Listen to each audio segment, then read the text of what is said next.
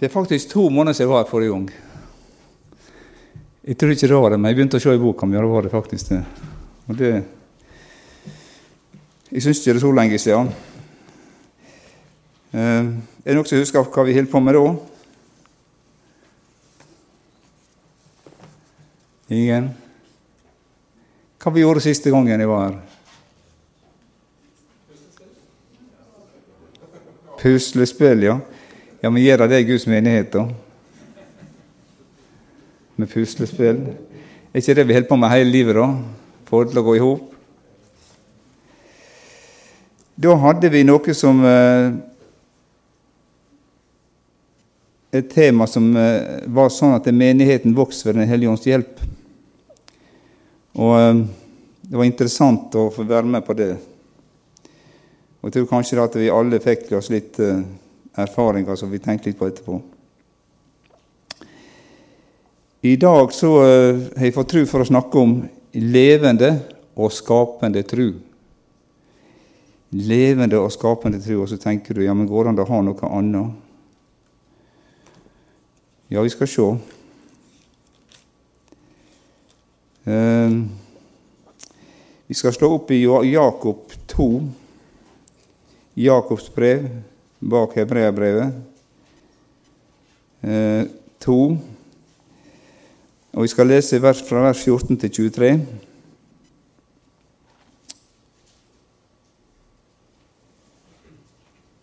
Da leser vi sånn i Jesu navn. Hva gagner det, mine brødre, og noen sier at han har tro, men ikke har gjerninger? Kan troen frelse ham? Hvis en bror eller en søster er naken og mangler sin daglige føde, og en av dere sier til dem, gå i fred, varm dere og mett dere, men dere ikke gir dem til legemets behov, hvilken nytte blir det da? Slik er det også med troen, hvis den ikke har gjerninger, er den død i seg selv.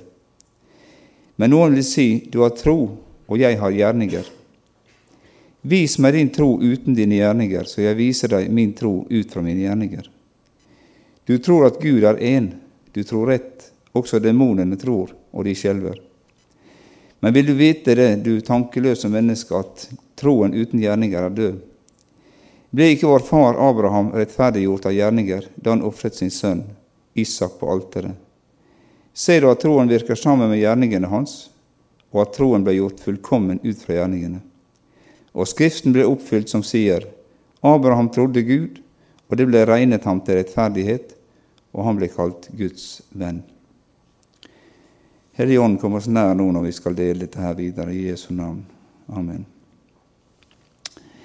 Jeg vil også sitere bare to vers i Hebreerne 11, Enig vers siterer.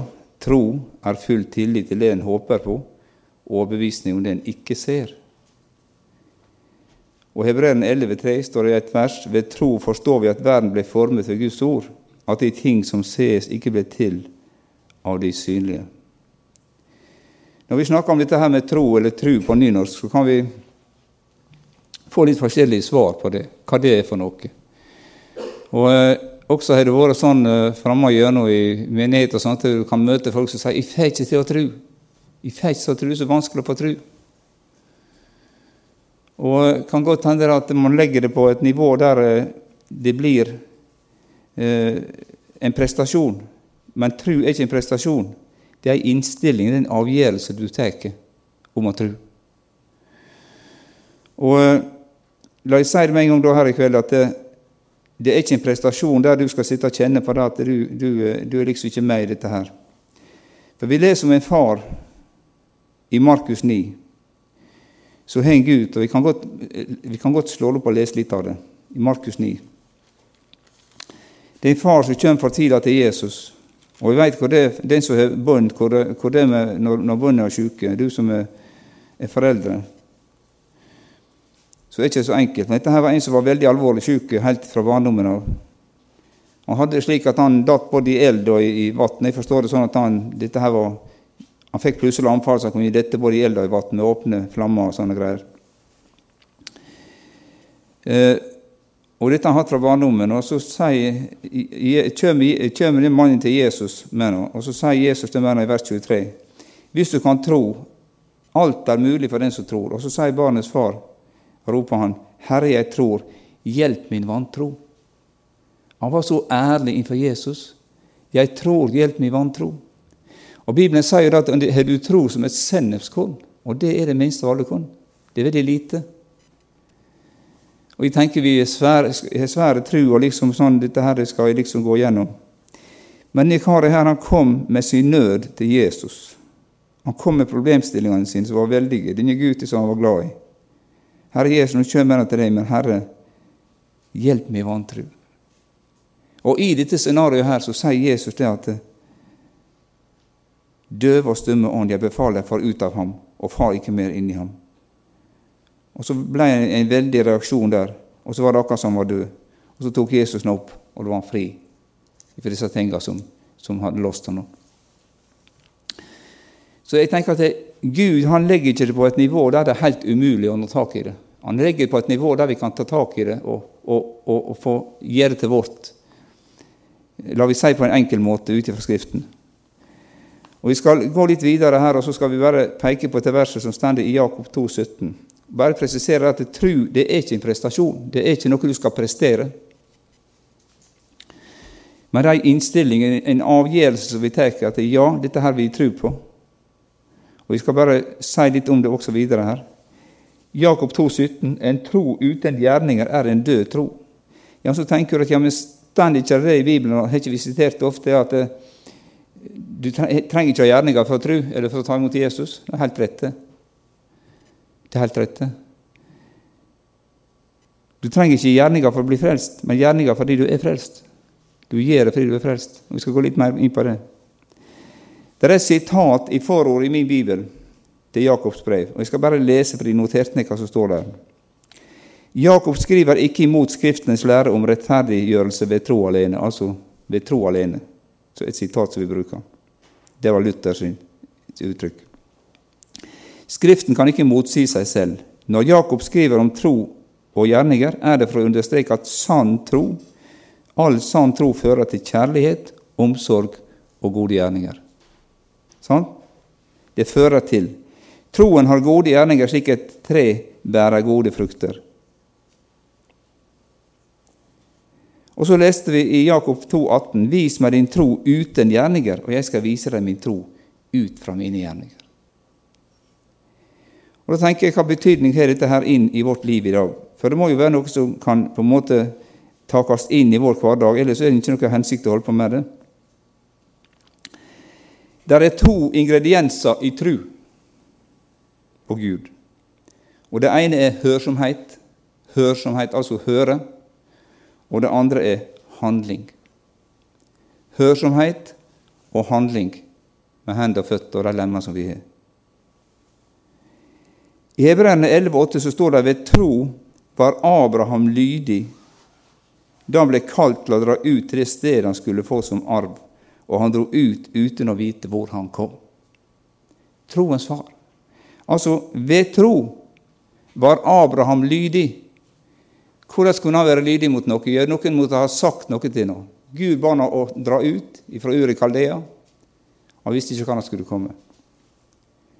Han ble kalt til å dra ut til stedet han skulle få som arv, og han dro ut uten å vite hvor han kom.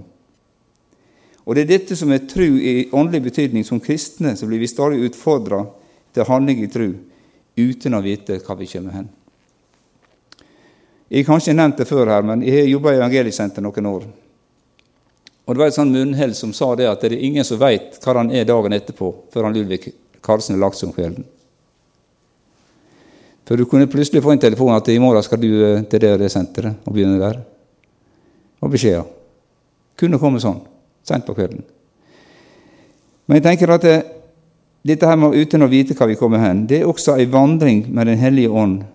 Vi veit ikke hva det ender hen, men spørsmålet er om vi er villige til å være med på det som Gud peker på.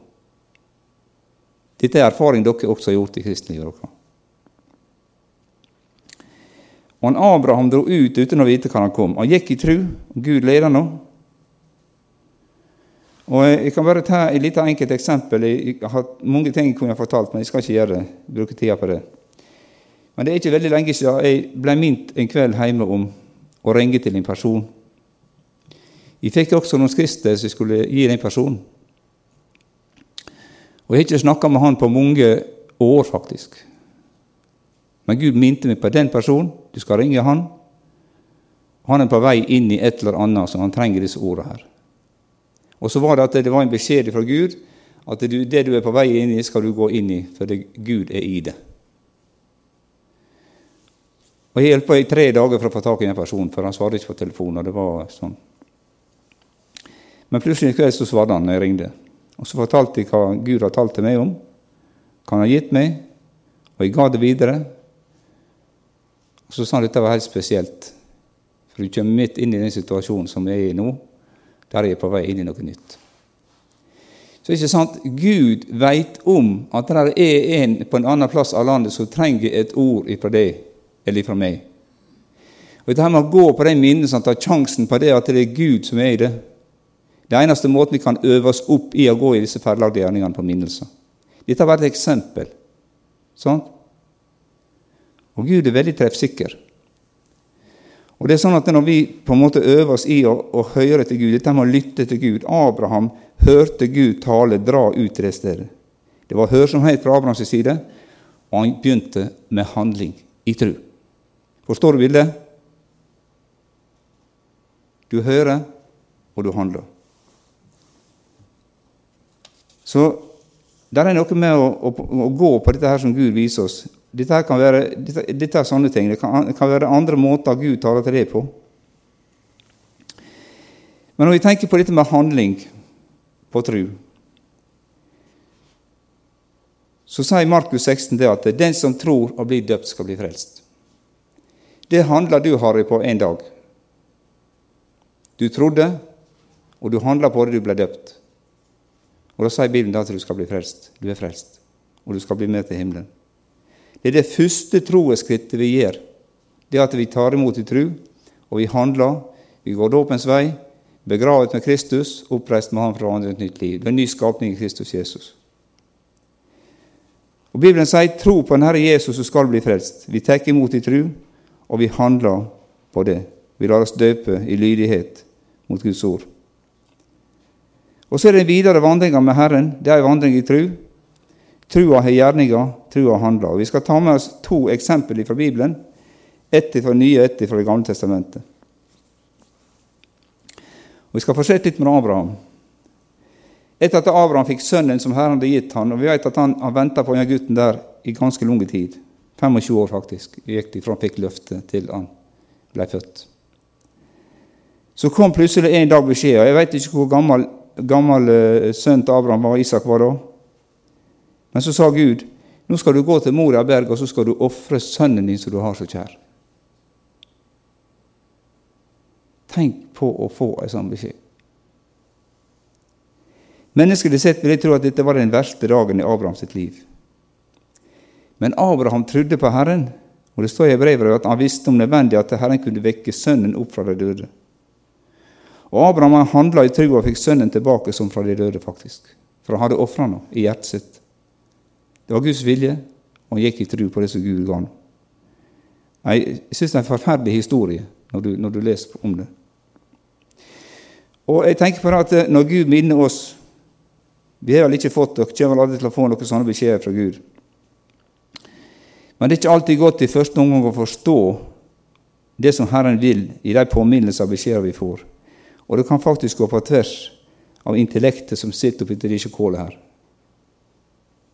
Det kan gå på tvers av det som vi tenker, det som vi mener. Dette er, dette er ikke mulig, Gud. Det går ikke an. Gud har aldri gjort noe sånt. Men så spør Gud er du villig å være med på mine betingelser og gå på den måten som jeg vil.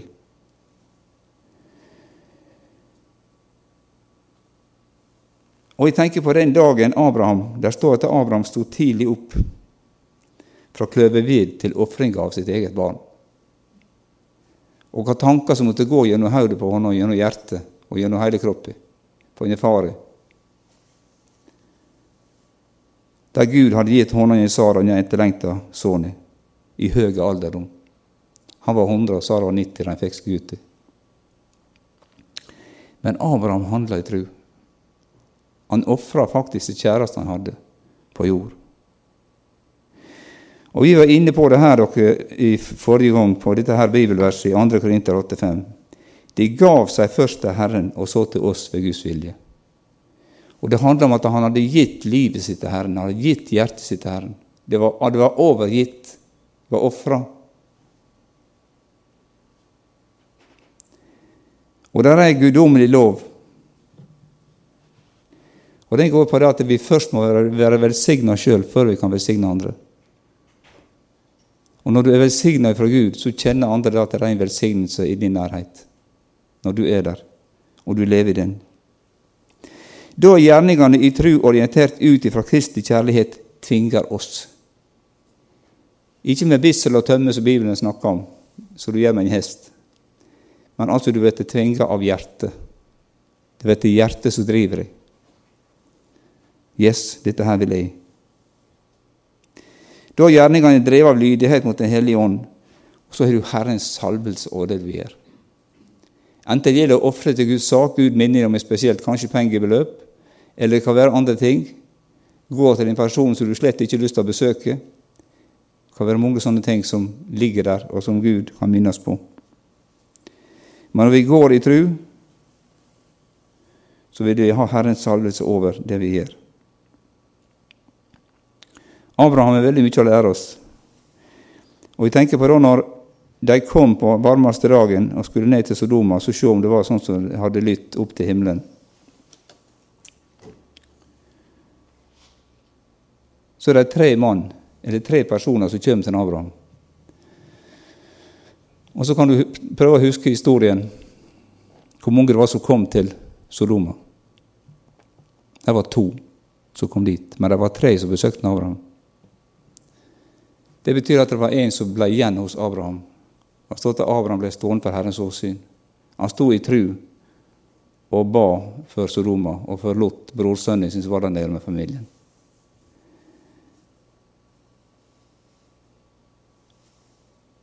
Han ba i tru, men det var ikke nok rettferdige. Han har veldig mye å lære oss, Abraham, i sin måte å være på. Han er jo kalt troens far. Eksempel to det er i Matteus 14, 25-33. Og Det er en person som jeg ofte tar fram, for han er så lik meg. Og han Peter. Og Vi skal lese fra vers 25 33, Matteus 14. Du som er bibelverdig, så kan vi ta den.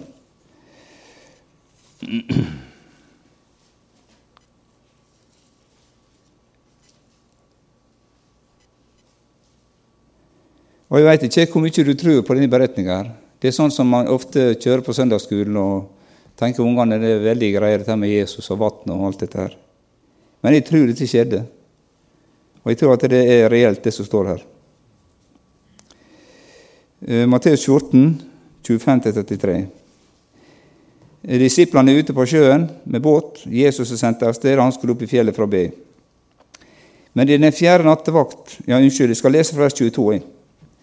Straks fikk Jesus disiplene sine til å gå i båten og dra foran ham til den andre siden, mens han sendte folkeskarene av sted. Og da han hadde sendt skarene av sted, gikk han opp i fjellet for seg selv for å be. Og da kvelden kom, var han alene der. Båten var han midt ute på sjøen og ble kastet hit og dit av bølgene, for vinden var imot. Men i den fjerde nattevakt kom Jesus til dem. Han kom gående på sjøen. Det er jo helt utrolig. Helt utrolig.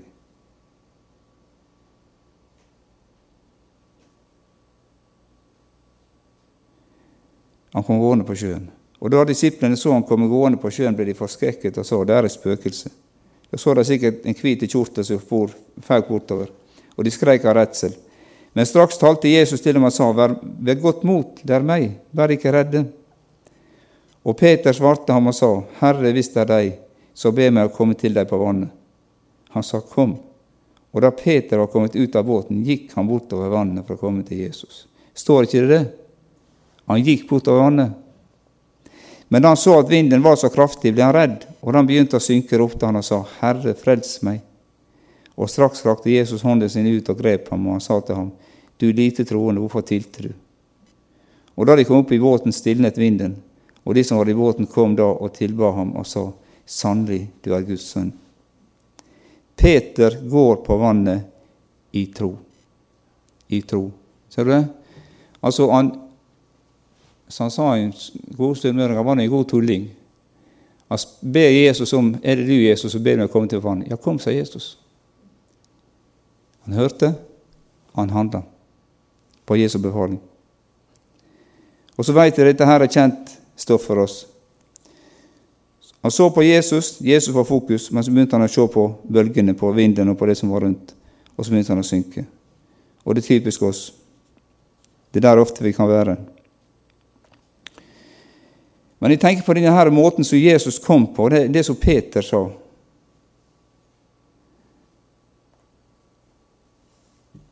Det er én ting som er sikkert.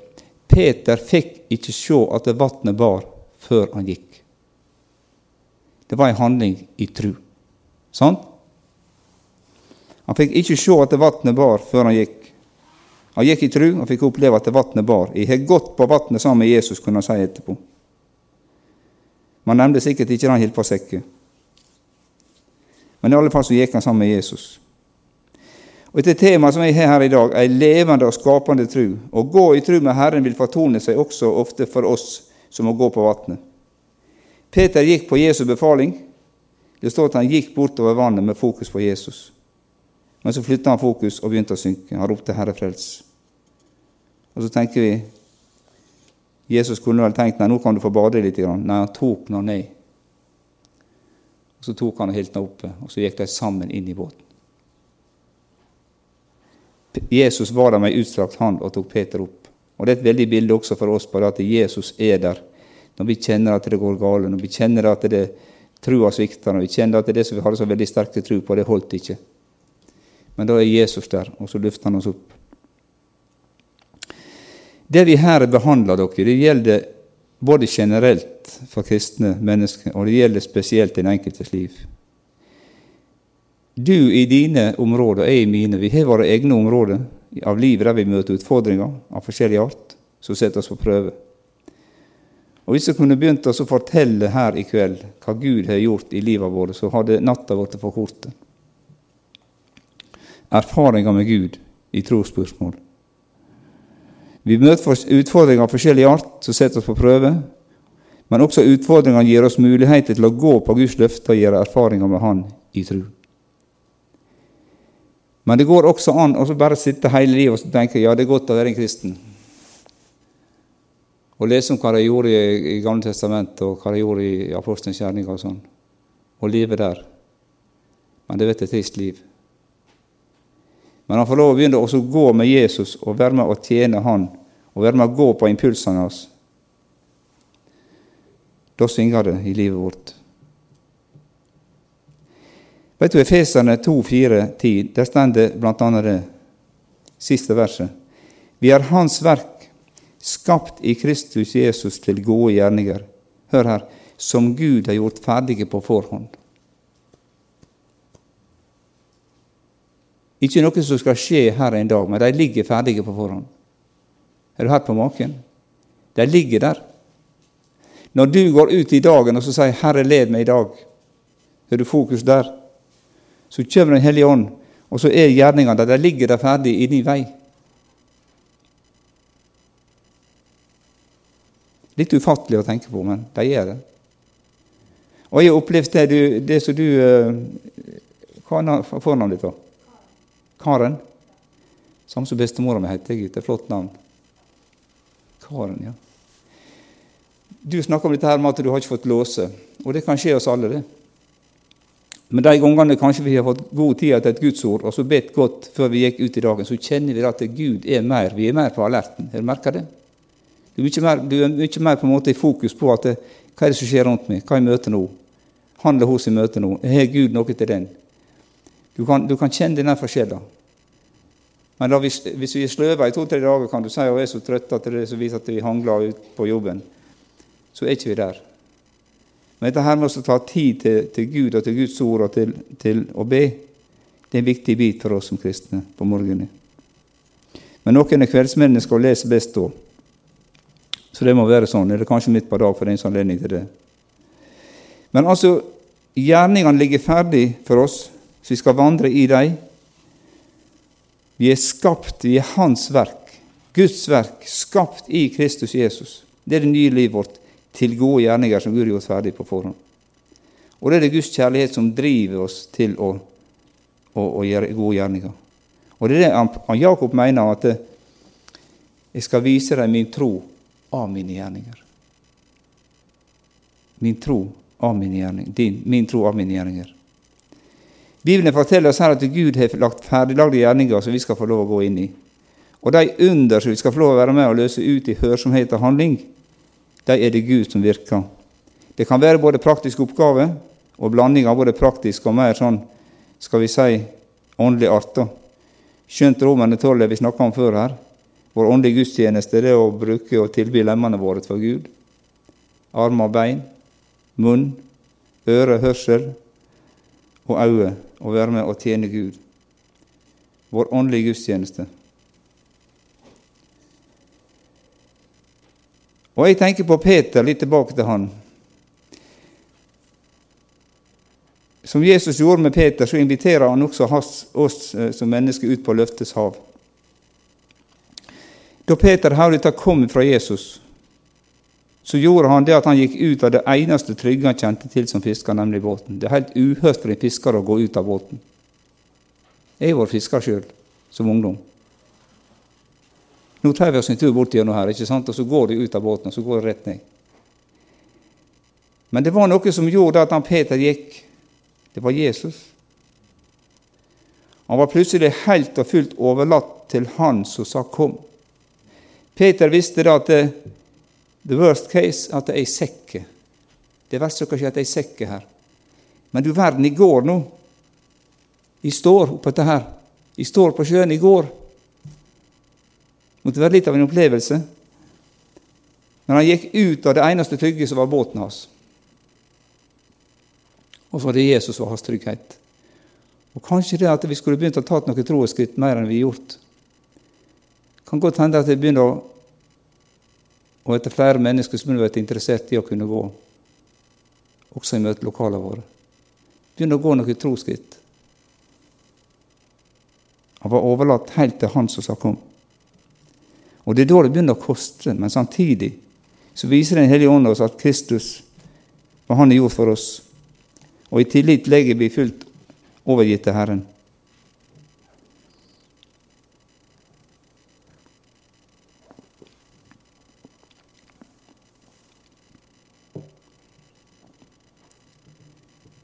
I morgen, ny dag, da er det vår tur. Og Jeg har lyst til at vi på en måte skal ta en hellig beslutning her i kveld, alle i Innenfor Gud, men deg sjøl. Det er det at Herre, jeg ønsker at det skal bli forvandling i mitt liv. At jeg må være villig til å være hørsom og handle på det du viser meg. Vi snakker ikke om høytflygende ting, men vi snakker om hverdagen med Jesus og med våre medmennesker. De vi møter. Jeg trenger å bli minnet på dette gang på gang av Jesus og av andre mennesker. Og det er mange som går med en høy gang i forhold til dette her, i det praktiske liv. Men det som er viktig, er at vi på en måte, der som vi er, at vi på en måte kan være overgitt til Gud på en sånn måte at det, Herren får lov å, å, å, tale inn i sammenhengen Hvorfor det gjør han. Gud kaller oppgang til dens nedgangsstender i Bibelen. Og Spesielt oss som er kristne, som har vi et kontaktpunkt oppover. Vi har fått Den hellige ånd her. Han skal tale til oss om det som Gud snakker om, han talte om, og de kommende ting, står det. Den hellige ånds oppgave skal herliggjøre Jesus. Det gjelder ikke Peter lenger, men det gjelder oss. Gjenger det meg? Og den aktivt nærværende Gud, som det utleder fra det som han sa til Moses 'Jeg er', den aktivt nærværende Gud, han er til stede hos oss, både i møte i gudstjeneste, i møte med mennesker i vår hverdag. Og du som kanskje har opplevd det at du er på vei inn noe nytt, at Gud er minnet om noe nytt som skal inn i nye områder, så skal du bruke frimodigheten din som en stor lønn. Dette nye området hos Peter det var at han plutselig begynte å gå ut av båten, der han var vant til å være trygge. Men han var i Jesu kontroll der han var. Og Der skal vi få lov å være. Herre, på ditt ord Sånn var det også når de kasta ut Ghana. De har ikke fått noen i natta, du husker beretninga. Så sier Peter, på ditt ord, Herre. På ditt ord. Han ville gardere seg. Men det var greit, det var Jesus som hadde sagt han skulle gjøre det, og vi vet han fikk masse fisk. Vi vet at sjelefienden han eh, lover det at det skal være kamp. Og det opplever vi når vi begynner å rugge på hans festningsverk, så er det kamp. Men han som er med oss, er sterkere enn han som er i verden. Han som er med oss, har seira sjelefienden. Og Derfor er vi trygge hender med de prosjektene som han viser oss. Så la vi være frimodige, venner, og gå inn i de ferdiglagde gjerningene som ligger der. Og Hvis du er obs på og begynner å tenke på det og be til Gud Herre, vis meg de ferdiglagde gjerningene, så vil du bli forbausa på hva som ligger der. Det er ikke bare går forbi med skylapper, men at du, du på en måte blir obs på hva er det Gud har lagt her for meg i dag. Og det er spennende. Peter sa, er det deg, Herre, så byd meg å komme til deg på vannet. Er det deg, Herre? Kan du være i denne sammenhengen her? Og det av og til at jeg har vært i sammenhenger der jeg har kjent at det, her er Gud. Her, som Jakob sa, her er Gud. Her er et eller annet som skjer. Ikke kan jeg peke på hva det var, men her, dette her er en gudgitt situasjon. Dette her har Gud gitt meg. Når du står i en sammenheng, er det deg, Herre, som byr meg å komme til på vannet. Jesus sa 'kom'. Og Jesus sier også det i dag til oss 'kom'. Så jeg vil si at Gud velsigne deg til å gå inn på de områdene som Gud har vist og vil vise deg. Amen. Jesus, du ser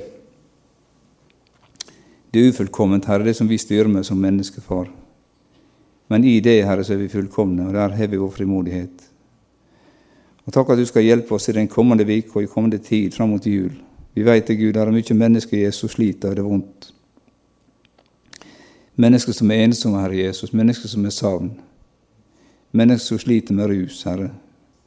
Eh, ting som går i stykker for folk. Herre, hjelp oss at vi kan være personer, Herre Jesus, som der du legger disse gjerningene ferdig for oss, Herre, at vi kan gå inn i det, Herre Jesus, og være villige til å gi oss sjøl, dele av oss sjøl. Vi må være medvandrere av Jesus og gå sammen med andre på veien. Vi må dele vårt liv, Herre Jesus, med deg. Takk at du skal velsigne vennene Jesus her inne på Eikenosvåg, Herre. Du veit hva de trenger til den enkelte. Du kjenner situasjonene for den enkelte Jesus. Takker deg for det de er, for det arbeidet de driver her, Jesus. Og takk at du skal lønne deg det åpenbare, Herre. Du skal velsigne deg, du skal legge flere til flokken, Jesus. Takker deg, Herre Jesus, for at du er god, Herre, at vi kan få lov å være med på det seirende laget, Jesus. Takk, Jesus, for at du har omsorg, og takk at du møter oss, Jesus, i forsetningen. I Jesu navn. Amen.